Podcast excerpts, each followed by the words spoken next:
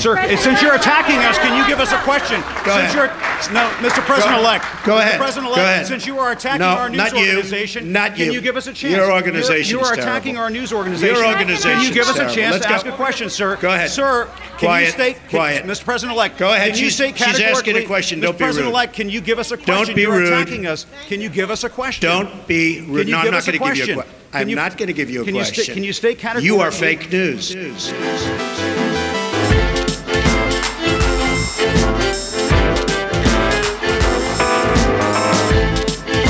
Dit is Radio Rechtsstaat met Nienke Venema en Jelle Klaas.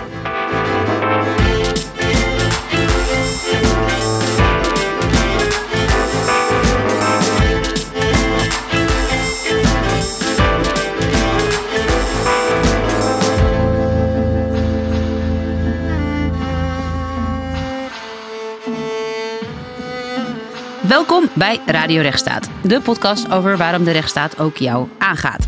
Deze aflevering gaan we het hebben over de waakhond van onze samenleving, de zogenaamde vierde macht in onze democratische rechtsstaat, gekoesterd door burgers, gevreesd door machthebbers, oftewel de journalistiek. We hebben in het vorige seizoen van deze podcast al gesproken over het samenspel tussen media en strafrecht met Chris Klomp, misdaadverslaggever. En dit keer gaan we in gesprek met de man die dit jaar samen met collega Kim van Keken werd uitgeroepen tot journalist van het jaar. Vanwege excellent speurwerk naar voormalig VVD-voorzitter en, zoals je dat wel eens leest, crematiekoning Henry Keizer. Eh, de medeoprichter en hoofdredacteur van zelfbenoemd Klein Klotenclubje Follow the Money, onderzoeksjournalist Erik Smit. Welkom. Hallo, wat leuk. Hallo. Nou ja, natuurlijk eh, komt de noodzaak van kritische en onafhankelijke onderzoeksjournalistiek voor onze rechtsstaat even aan bod. Maar ja, omdat we denken dat jullie die al wel begrijpen, duiken we deze aflevering al snel wat dieper in de materie. Tenminste, dat gaan we proberen. We gaan het hebben over hoe de rechtsstaat door rijke lieden kan worden ingezet om persvrijheid te beperken. Over de rijkwijde van de rol en de verantwoordelijkheid van de journalist. En over de toekomst van de onderzoeksjournalistiek in tijden van nepnieuws, clickbait en teruglopende abonnees en advertentieinkomsten. Ja, Als, ik, als ik nu al mag, eh, iets mag zeggen. Ja, hoor. Ik hou namelijk van eh, hè, de feitelijkheid. Hè, en, en omdat, wij worden helemaal niet eh, door eh, burgers omarmd. Eh, dat bleek onlangs eh, weer uit de, de, de cijfers van CBS. We zijn weliswaar een heel klein beetje gestegen in, eh, in, in beroepen die door eh, burgers worden vertrouwd. Maar we staan eh, stijf onderaan. Nog net iets boven de kerk, maar wel onder de EU. Onder de bankiers, eh, onder de Tweede Kamerleden. En ik kan nog wel even doorgaan. Ja, ik las dat terug in een eh, stuk wat gisteren op de manier verscheen. Naar aanleiding van de Anne Vondelingprijs die je hebt gewonnen. Ja. En met name dat jullie onder de Tweede Kamer stond, sta- staan, eh, benoemde je daar. Qua geliefdheid, wat Ja. is het? Ah ja. Nee, qua vertrouwen. Oh, vertrouwen. Oh, vertrouwen. Ja. En waar Dus- staan advocaten in dat lijstje? Ja, nou ja. Staan we erboven of Die, eronder? eh, die staan er ook nog boven. Ja, Oh ja, Kerk als enige staat eh, Oh, onder, zo'n beetje onder ons. Dus eh, En toch wordt persvrijheid denk ik wel gekoesterd. Het is het meest populaire... Nee, vrijheid van meningsuiting is het meest populaire grondrecht. ja, dat is dus dat je een mening mag hebben. Die dan ook overal mag uiten. En eh, te, te, te, te pas en te onpas. En eh, ik huldig in deze natuurlijk altijd eh, de woorden van eh, Harry Callahan. Dirty Harry Callahan. En dat gaat over opinions are like assholes. Everybody has one. Ja, oké. Dus nou ja, goed. Dus zo gekoesterde burgers zijn jullie helemaal niet. En gevreesd door machthebbers, denk je dat dat eh, wel goed gaat? Ehm, dat denk ik wel, ja. Eh, nou, ik denk ook wel dat er een publiek is, eh, dat, dat ook wel blijken weer uit de feiten, dat dat wel van ons houdt. En ik denk ook wel dat dat te maken heeft met het soort journalistiek dat wij maken. We hebben een, een, een platform dat helemaal leeft van de inkomsten van betalende leden. En dat, dat, eh, dat gaat steeds beter. We gaan nu bijna naar de 8000 eh, leden toe. Op het moment dat dit wordt uitgezonden, zijn we die ruimschoots voorbij. Eh, dus dat, dat is heel fijn. Daar kunnen we eh, een, een, goede, eh, aardige redactie van eh, financieren. En we, de bedoeling is dat we daar natuurlijk nog veel meer betalende leden uit gaan halen. Zodat we nog meer werk en, eh, en ook beter werk kunnen gaan maken. Deze podcast gaat je daar sowieso Ja. enorm bij helpen. Nou, dat is fantastisch. Eh, hè, dus het kan wel. Hè, en dus wel degelijk dat er is, eh, eh, een, een, een publiek voor te vinden is. En, en dat ook heel veel mensen zijn die die de noodzaak van, van journalistiek heel goed begrijpen. Eh, juist in dit tijdperk natuurlijk, eh, en daar gaan we het over hebben natuurlijk. Een tijdperk van nepnieuws. Een tijdperk van, van de- een, een, man als Trump. eh, een tijdperk waar eigenlijk feiten er eh, steeds minder toe doen. Dat er ieder eh, zijn recht heeft op zijn eigen feiten als het ware. Alternatieve Ehm, feiten ook. Ja, dat noem je. Je noemt het woord alter- alternative facts. Het eh, woord is een paar jaar geleden gemunt. En nou, dat zie je steeds vaker voorkomen. Uh, en natuurlijk ook dat, uh, dat, dat, meningen er veel meer toe doen. Of beeldvorming. Hè? Dat, het gaat uiteindelijk in de politiek Den Haag ook vooral om beeldvorming. En niet zozeer over de echte feiten die erachter liggen. Dat zag je ook wel weer in het debat rondom de dividendbelasting. Uh, maar met name natuurlijk uh, uh, ook rond in, in, de zaak Keizer. Hè, dat was uiteindelijk de beeldvorming rond die persconferentie waarop Kim en ik niet aanwezig mochten zijn. Ja. Maar, en de, de, de de, de, de, opnames, de televisiecamera's die natuurlijk aanstonden op het moment dat ik dat hek probeerde binnen te komen om die, die, die persconferentie bij te wonen. En vervolgens het hek voor mijn neus gesloten werd door een grote kale uitsmijter. Ja, dat was inkoppen voor ons. Maar, maar dat gaat, dan gaat het over beeldvorming. Maar de feiten die erachter lagen. Uh, die waren eigenlijk veel belangrijker. Je, je bent natuurlijk ook een heuse man van meningen. We hadden uh, voordat uh, we begonnen met opnemen een discussie over vrouwenquota en je liberale mening daarover. Maar bovenal een man van de feiten, denk ik. Um, en ik had, ik had gedacht dat het leuk zou zijn om aan je te vragen waarom je nou toch journalist bent geworden met je bedrijfskunde achtergrond. Maar daar bleken ook al best wel veel stukken over te zijn toen ik dat uitzocht. Maar misschien wil je er toch iets over zeggen. Nou, dat heeft. Want wel meer mensen vroegen zich dat af. Ja, dat heeft er wel iets mee te maken dat ik. er zitten natuurlijk een, twee sporen in. het spoor, het, het carrièrepadspoor. Dat, dat je op een gegeven moment. ik ben tot mijn, tot mijn 31ste zo'n beetje ben ik professional geweest, sporter. En, en ik heb het gedurende die periode dat ik dat deed, economie gestudeerd. Daar heb ik tien jaar over gedaan. En ik heb in, in die hele periode niet gedacht dat ik journalist ging worden. Uh, wel dat ik schrijver ging worden. Alleen was dat nou net uh, waar mijn uh, docent mij het minst toe gekwalificeerd achtte. Oh jee. want ik kreeg als laatste cijfer op de universiteit, dat was een vak economische geschiedenis, moest ik een paper schrijven en dan kreeg ik een hoog punt voor, een acht. En, en, maar de man, de professor, die had gezegd, nou, die zei toen tegen me van, joh, je had ook wel een negen verdiend, maar je bent zo'n slechte schrijver dat ik dat niet over mijn hart kon verkrijgen. Dus je kreeg een acht van me. En dat, eigenlijk wilde ik dat graag worden. Maar toen heb ik dankzij dat laatste punt die, dat, die ambitie even in de ijskast gezet. En ben toen gaan werken bij een internetbedrijf. Maar daar werd ik na tien maanden helemaal gestoord. Omdat ik daar dingen moest doen uh, uh, waar ik niet achter stond. Ik moest onbegrijpelijke businessmodellen uitleggen aan uh, volle zalen. En, en, ik moest ook dingen doen van bazen. En dingen notuleren. En, en ik was in de jaren daarvoor eigenlijk al een behoorlijk vrijgevochten persoon geworden. En dat zat eigenlijk al altijd in mij. En, nou, en dat, dat laatste, dat maakte het ook eigenlijk dat, uh, dat de gang naar de journalistiek uh, uh, de gang was die ik eigenlijk wel moest maken op een of andere manier. Op, op enig moment ook wel, omdat dat karakterologisch eigenlijk het beste bij me past. Ja. En, en, dat, en dat werd hem ook in 1999. 4 januari 1999 was mijn eerste werkdag als journalist bij het glanzende blaadje Quote. Echt waar, kijk aan. Nou, dat zal ik dan met deze nooit meer vergeten. Nou. Ja. Want dat was voor mij uh, mijn eerste werkdag. En dat, en, en, en, dat, en dat bleek al snel als een handschoen te pas. Hoewel ik de eerste anderhalf, twee jaar ook uh, echt wel uh, letterlijk jankend achter mijn computer heb gezeten. Bij het maken van die lange verhalen. En waar zat je toen ook alweer? Bij Quote. Bij, bij Quote ja. al meteen, ja. Ja. En heb je, waar heb je nog meer? Want je hebt bij Quote gewerkt en je, hebt, je bent ook betrokken geweest bij het oprichten van de pers, ja, toch? Van dat ja, dat klopt. Gratis dagblad was dat ja, destijds. Uh, eind eind uh, 2006 ben ik bij Quote weggegaan. Uh, in oktober 2006, in de, in, in de, de zomer daarvoor, is, is zeg maar het plan om, om een, het grootste gratis kwaliteitskrant van Nederland te gaan maken.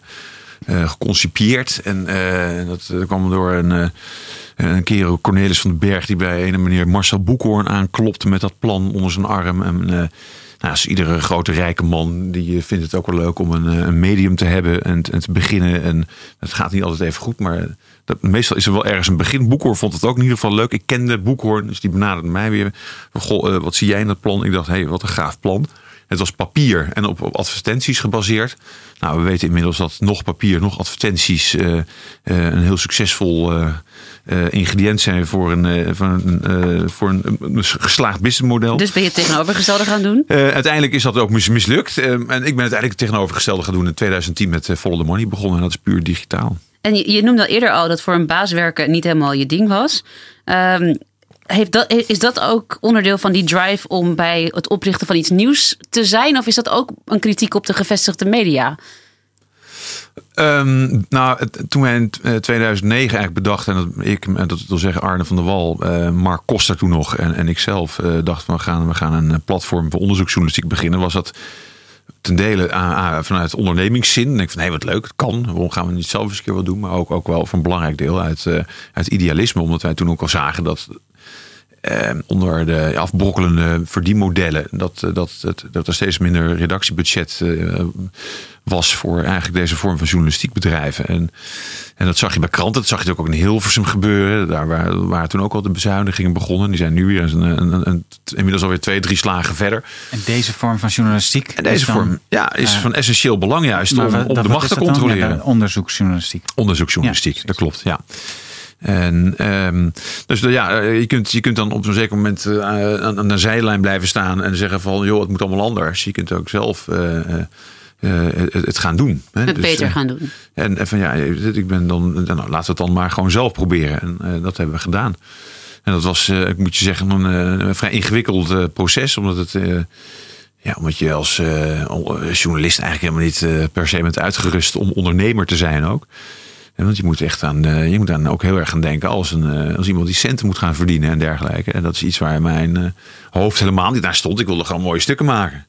En, dat is, en, dan, dan zie je vooral, wij ook geneigd om juist naar de beer op de weg te kijken, om, om het zo maar te zeggen. En, en een ondernemer moet juist precies diametraal anders denken. Die moet in kansen en opportunities moeten ze denken. Ja. Dus dat, is een, dat, dat vergt, je moet jezelf eigenlijk opdelen. En dat is ontzettend moeilijk. Eh, maar goed, we hebben, laten we zeggen, een aardige wandeling door de woestijn gemaakt om uit te komen waar we nu zijn. Met een model wat werkt en dat, eh, eh, en, en, en dat een, een hele bestendige cashflow heeft die, die, die, die groeit. Dus maar we zijn er nog lang niet hoor. avontuurlijkheid eigenlijk, als ik dit zo Ook, ja. hoor. Nou, maar nou, ook, nou, wat heel belangrijk is, is toch wel dat, dat, dat aspect van er moet iets gebeuren om, ja, om, om, om zeg maar, de neergang van eh, zeg maar, dat onderdeel van de journalistiek, de onderzoeksjournalistiek, om, dat, om daar iets aan te doen. En ik denk dat we nog niet, eh, dat die rit nog lang niet ten einde is. Ja, en in die neergang van de onderzoeksjournalistiek wil ik eigenlijk heel lang over doorpraten, want dat vind ik een superbelangrijk onderwerp. Eh, Is dat denk je gevoed door een gebrek aan financiering voor die onderzoeksjournalistiek? Of is het ook een andere mindset waar je het over hebt? Eh, beide. Het heeft, het heeft eh, ehm, nou kijk, als je teruggaat naar het jaar waar wij de uh, Volle Money hebben opgericht, eh, nou, dan, dan zie je een, zeg maar een, een veld waar, waar met name natuurlijk de kranten, maar ook Hilversum eh, actief zijn op die, op die onderzoeksjournalistiek. En kranten die hebben natuurlijk commerciële bedrijfsmodellen. Nou, daar zag je heel duidelijk dat onder de afnemende oplages, het, de, de, de advertentieinkomsten die steeds minder werden, dat daardoor de redactiebudgetten gewoon onder druk komen te staan. En dan is het uh, de meest dure vorm van journalistiek bedrijven, dat is onderzoeksjournalistiek. ja, die werd, daar werd eerst op geknepen, wat overigens vrij dom is, maar daar kom ik nog wel op. Um, dus in die eerste instantie is dat dus onder, onder druk van de, ja, de neergang van het bedrijfsmodel. Dus de kaasschaafmethode, het, het spreadsheet management van de eigenaren van die kranten. En dat is nog steeds aan de hand eigenlijk. Worden de, die, die, die budgetten inge, ingeklonken. En dan, ja, en dan heb je het Hilversum, maar dat is natuurlijk een heel ander model. Dat gaat uit natuurlijk van, een, uh, van de inkomsten van, die ze krijgen van de staat. En, ja, het is nogal. maar, het, ja, maar het komt neer op keuzes maken, redactionele keuzes maken. En we zien dat bij kranten. je, je kunt echt kiezen om een, een, belangrijk deel van jouw uh, uh, redactiebudget in, in te zetten voor onderzoeksjournalistiek. Dat dat niet altijd gebeurt, ligt voor een heel belangrijk deel aan hoofdredacteuren die geen weerstand weten te bieden aan hun eigenaren. En laten we vooral ook terugkomen op die financiering. Ook met wat er recentelijk door de NPO is aangekondigd qua bezuinigingen. Wat uh, aardig in lijn is met wat je nu zegt. Ja. Is er een medium wat je wel graag leest? Een, een, uh, oh, er zijn heel veel media heel veel? die ik graag lees. Hoor. Welke dus, lees je graag? Nou ja, onder andere uh, de Financial Times. Dat is wel, de, de, dat is wel het belangrijkste. Dat ik, dus, en ik zeg het altijd. Ik neem die krant ook altijd mee. Die, die laat ik thuis bezorgen. En uh, dan heb ik hem als eerste nog vers uit de bus. Uh, iedere ochtend in Londen gedrukt. Dat is wel weer bijzonder. En denk ik, krankzinnig inefficiënt eigenlijk. Voordat het ding ja. bij mij in de bus valt. Nou ja, anyway. en dan gaat hij dan weer naar de redactie. En dan gooi ik hem wel eens bij iemand op tafel. En lees deze krant. Dit is de beste krant ter wereld. Dat zeg ik altijd erbij. Um, nou, deze podcast gaat ook over de rechtsstaat. En dat is best een abstract begrip. Dat we met onze gasten proberen te verkennen en te verduidelijken. Um, en wat betekent rechtsstaat voor jou eigenlijk in relatie tot je werk ook als onderzoeksjournalist? Nou ja, wat, dat werd ook wel in de aankondiging uh, vermeld. Hè. We, kennen natuurlijk de trias politica. En ik denk uh, dat als, als de vierde poot daarvan, de fourth estate, de vierde macht, dat, dat, dat de journalistiek daar een hele belangrijke rol in speelt. in de informatievoorziening van burgers, maar ook daadwerkelijk in het controleren van de macht.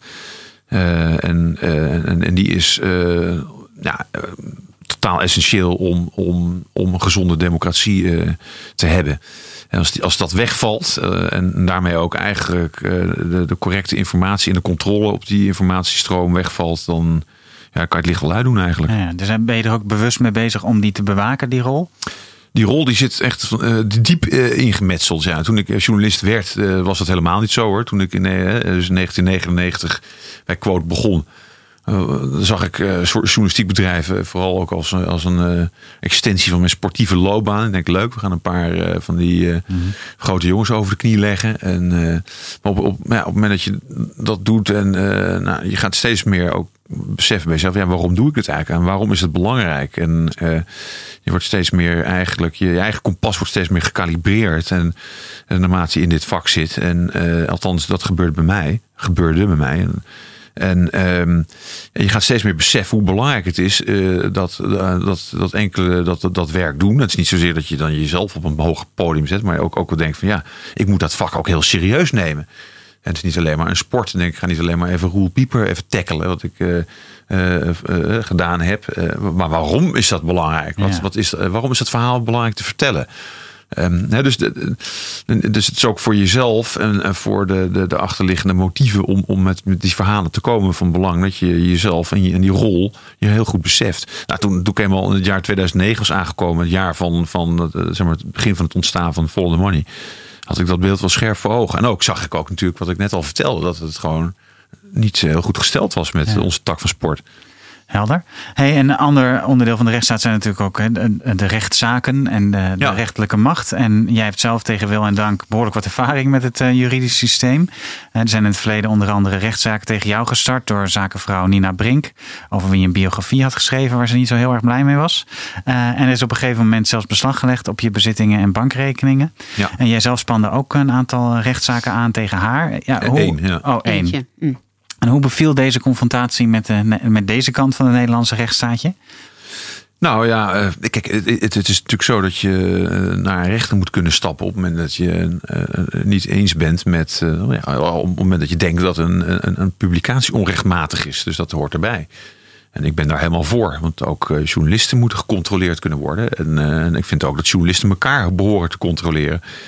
Ehm, alleen is het zo dat onze rechtsstaat een, een- een- niet voor iedereen even toegankelijk is. Ehm, dat, dat om te beginnen. Dus op het moment dat je geen geld hebt, ehm, is het vrij lastig om rechtszaken te gaan beginnen.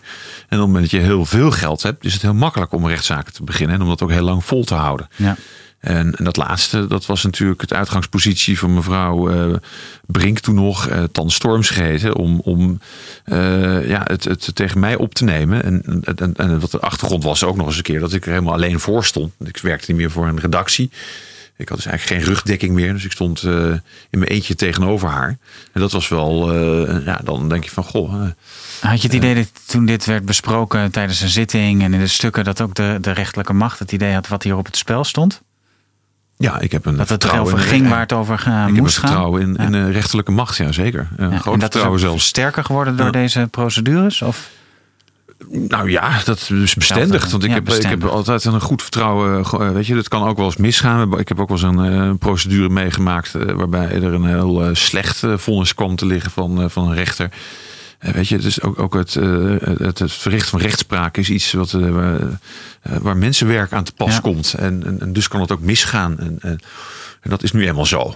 Ja. Maar daarmee blijf ik nog steeds een, zeer groot waarde, veel, heel veel waarde hechten aan, aan, aan, aan de rechtspraak in Nederland. Alleen wat ik net al zei, ze is niet zo toegankelijk voor iedereen. En, en voor sommigen is die ook zeer bedreigend. Want op het moment dat je daar komt te staan en je hebt zelf de middelen niet om je goed te verdedigen.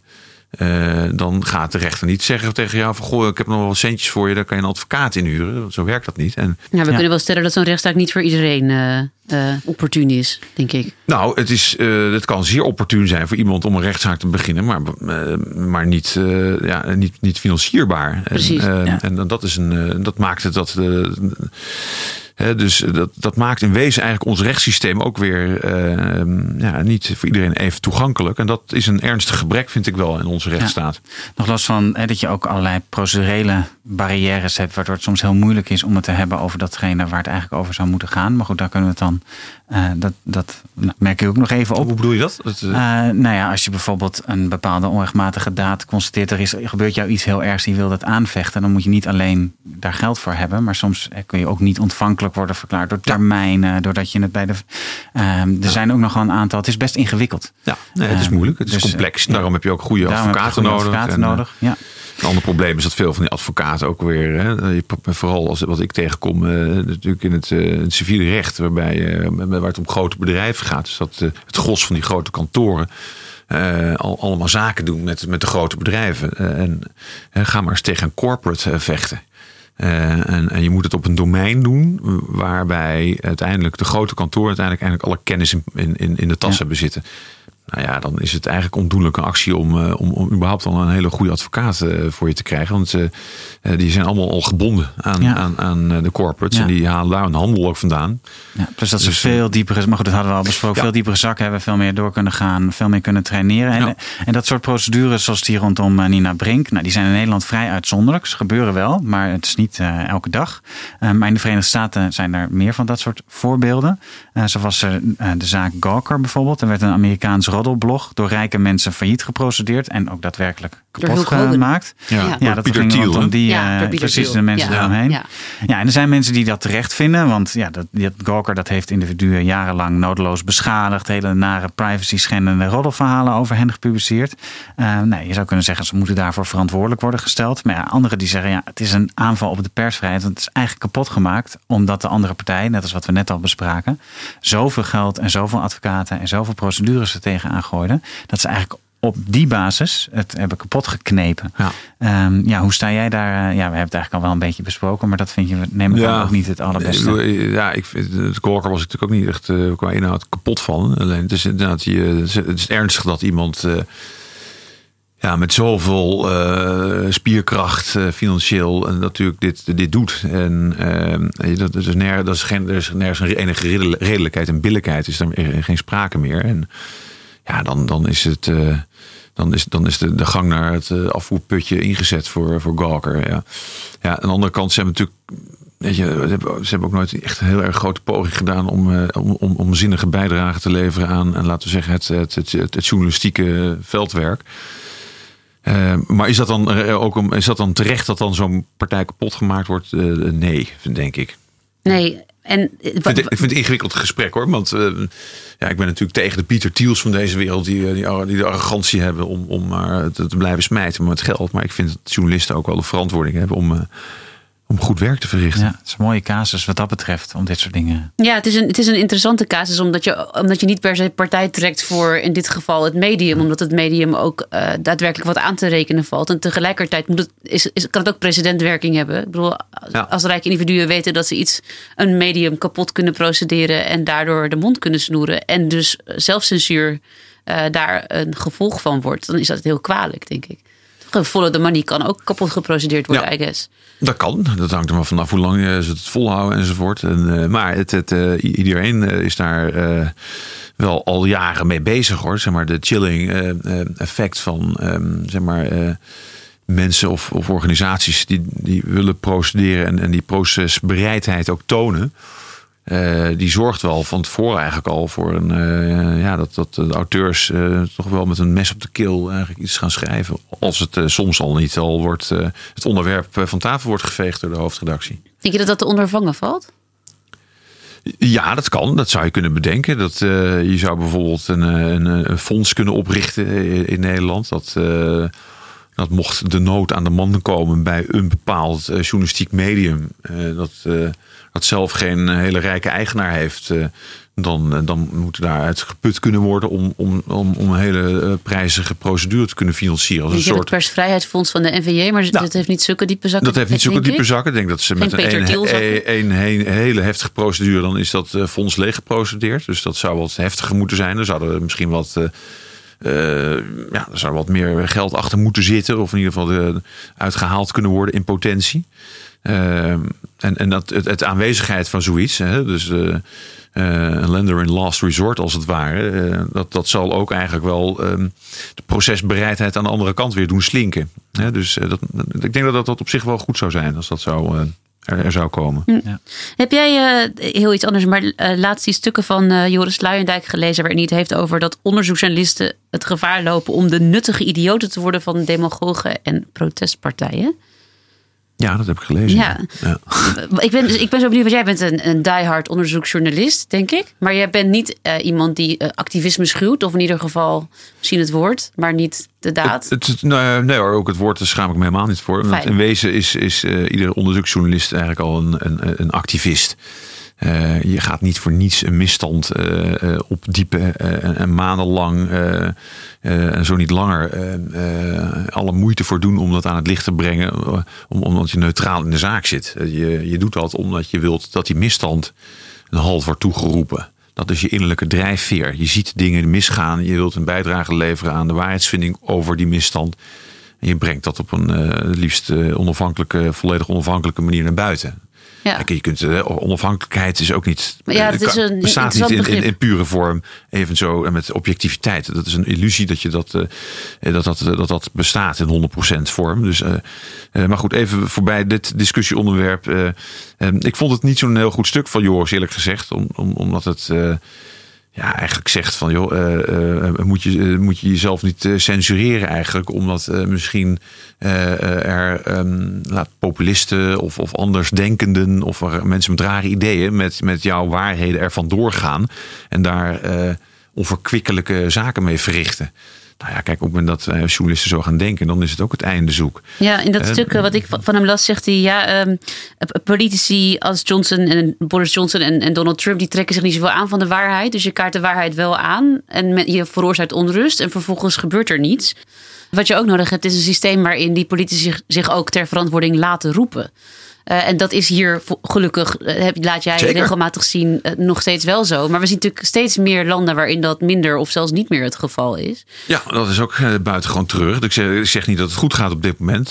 Nee, daar hadden we het ook dus, niet over nee. Dus het, het, gaat sterker nog, het gaat behoorlijk beroerd. Maar verandert dat je rol als journalist, denk je? Stel, er is hier iemand aan de macht die zich gewoon niet ter verantwoording laat roepen. Zou dat dan jouw rol veranderen? Nou, in wezen niet. Zolang eh, de, systemen in, intact blijven, eh, eh, ni- niet. Dus, en ik vertrouw er ook nog steeds op dat in de Verenigde Staten dat systeem intact is. En dat eh, op enig moment daar eh, ook, eh, ja, eh, zodra de, de feiten zich voldoende eh, hebben opgetast, eh, eh, er maatregelen getroffen worden kunnen tegen de, de, de zittende president, zoals het ooit in de jaren zeventig ging bij Woodward en Bernstein. Dat heeft hen ook eh, jaren gekost. eh, en, en natuurlijk destijds eh, het congres om uiteindelijk eh, Tricky Dicky tot inzicht te, te laten komen dat hij maar beter kon opstappen. Richard Nixon, ja. Ja. ja. Hey, en eh, als we het dan hebben over de Verenigde Staten, maar niet alleen daar, steeds, steeds vaker horen we over die gevaren van desinformatie ook voor de politiek en, eh, en de democratie. Eh hadden het al even over dat nepnieuws, duizenden nepaccounts op Facebook en Twitter. Dan worden mensen dan weer naar nepberichten op nepsites verwezen, waar ze allemaal politieke nepfeiten en complottheorieën treffen. Ehm, nou, een van de dingen waar ik me heel erg druk over maak, is die vaccinatiediscussies en, en waar mensen daar dan allemaal argumenten vandaan halen. Maar je ziet het op heel veel vlakken natuurlijk. En ondertussen verdraaien steeds meer politici ook openlijk de waarheid. Brengen ze de pers ook in diskrediet. Dat is natuurlijk ook iets, ook zelfs met op, in, op Twitter. Ehm, eh, openlijk. Ja, wat doet dat met het concept waarheidsvinding? Blijft dat wel houdbaar? Ja, als het, als het niet maar waar, houd, behoudbaar zou zijn, dan kunnen we hier eh, ook inderdaad het licht uitdoen. Ehm, natuurlijk is dat houdbaar. Sterker nog, dat is een, eh, een essentie. eh, en dat er, eh, kijk, we- dat we in de laatste 20, 25 jaar een ongelofelijke opkomst hebben gezien van heel veel nieuwe informatiebronnen. Dat heeft natuurlijk alles met het internet te maken. Eh, en, en, en zeg maar de aloude monopolisten op, zeg maar, ehm, op, op eh, nieuwsgaring. Dat zijn de oude media, de klassieke media. Die, eh, die, die monopolies hadden zeg maar, met het in contact komen met politici onder andere. Ja, eh, dat is natuurlijk weggevaagd. Trump die heeft zijn eigen medium, namelijk Twitter. Dus die, die, die, die, die gooit laten we zeggen, zo 6, 7, 8 eh, persberichtjes in, in 140 of 280 karaktertjes per dag uit. En- Hij heeft de New York Times helemaal niet meer nodig. nou ja, dat is het punt. Hè? Dus, en en nou ja, er zijn tal van andere nieuwsbronnen bijgekomen. En, en, en ook volledig eh, ja, andere informatiebronnen, inderdaad, kan je beter zeggen. eh, En waar heel veel bagger op te lezen is.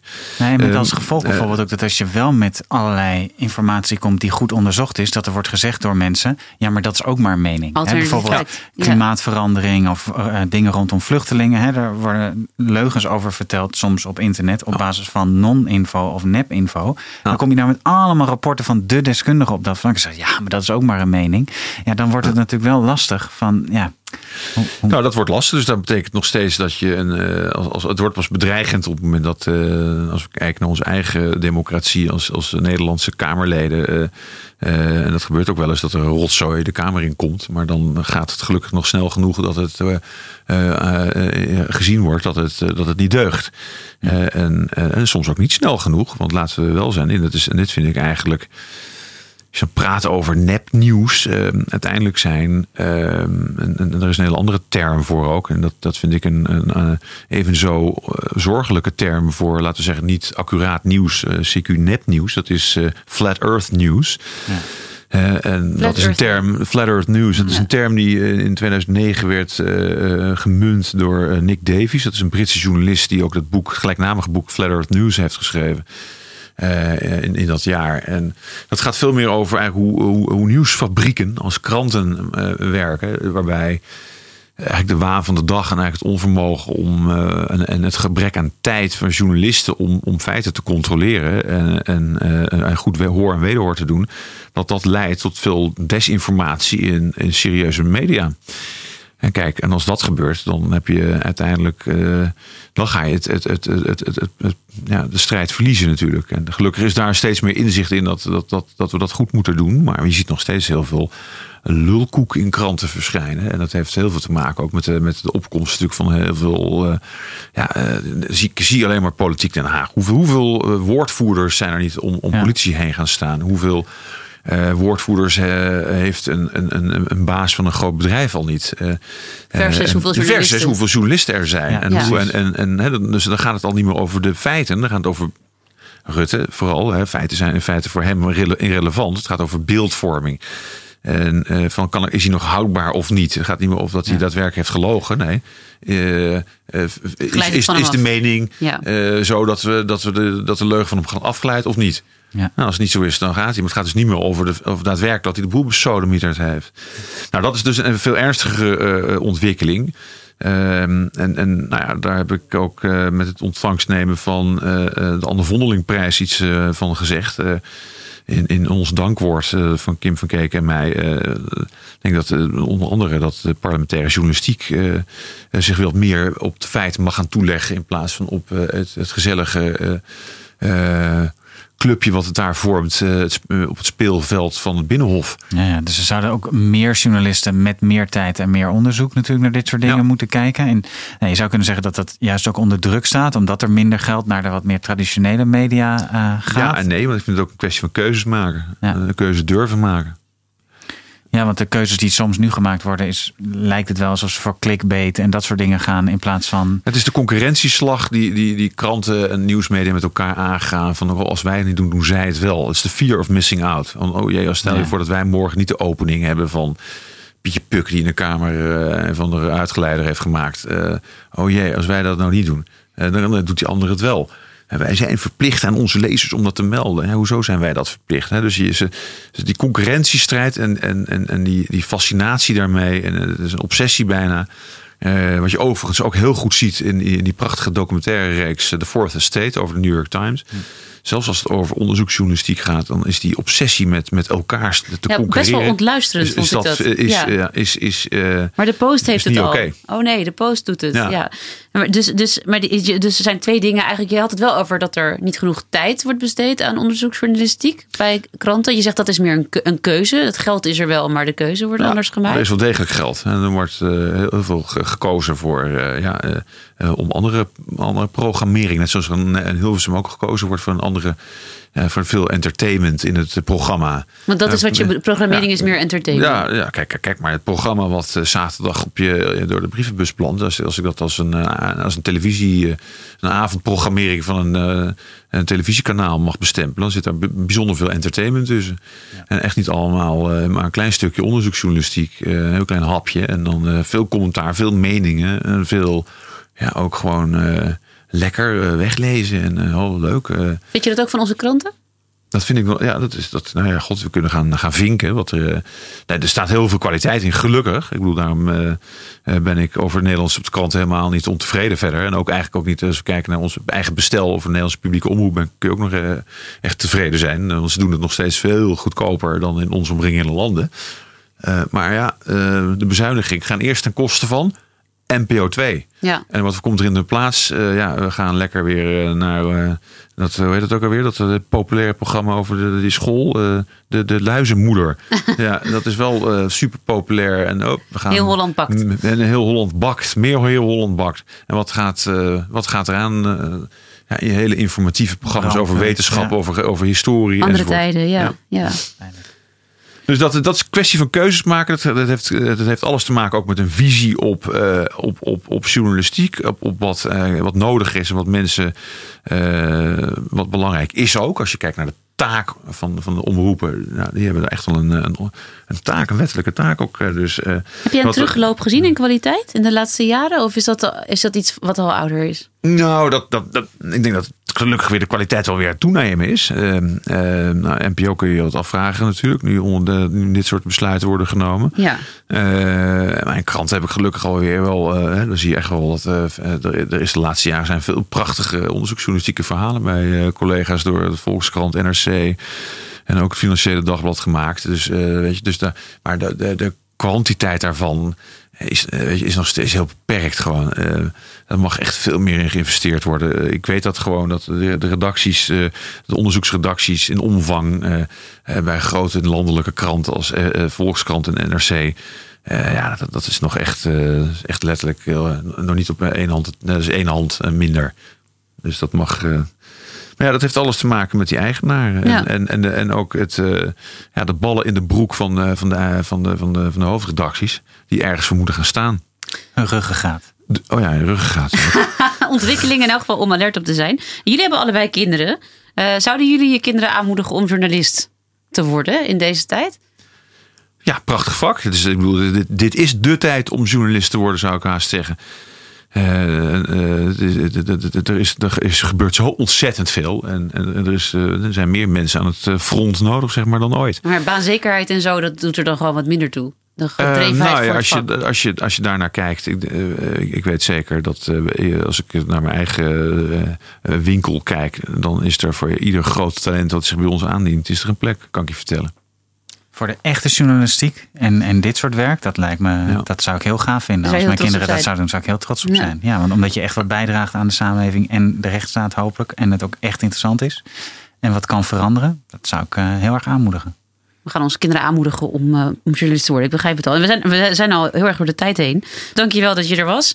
Graag gedaan. Eh, we hebben het eh, over van alles en nog wat rondom de journalistiek gehad. Over verdienmodellen, over rijke mensen die je wel of niet kapot kunnen procederen. En of de, rechtssta eh, de rechtsstaat ons daar goed genoeg tegen beschermt. Ik vond het in elk geval heel boeiend om met je in gesprek te zijn. Dankjewel. Dankjewel. Graag gedaan. In de volgende aflevering van Radio Rechtsstaat gaan we met universitair docent Transformations of Civil Disobedience Robin Selicatus in gesprek over burgerlijke ongehoorzaamheid.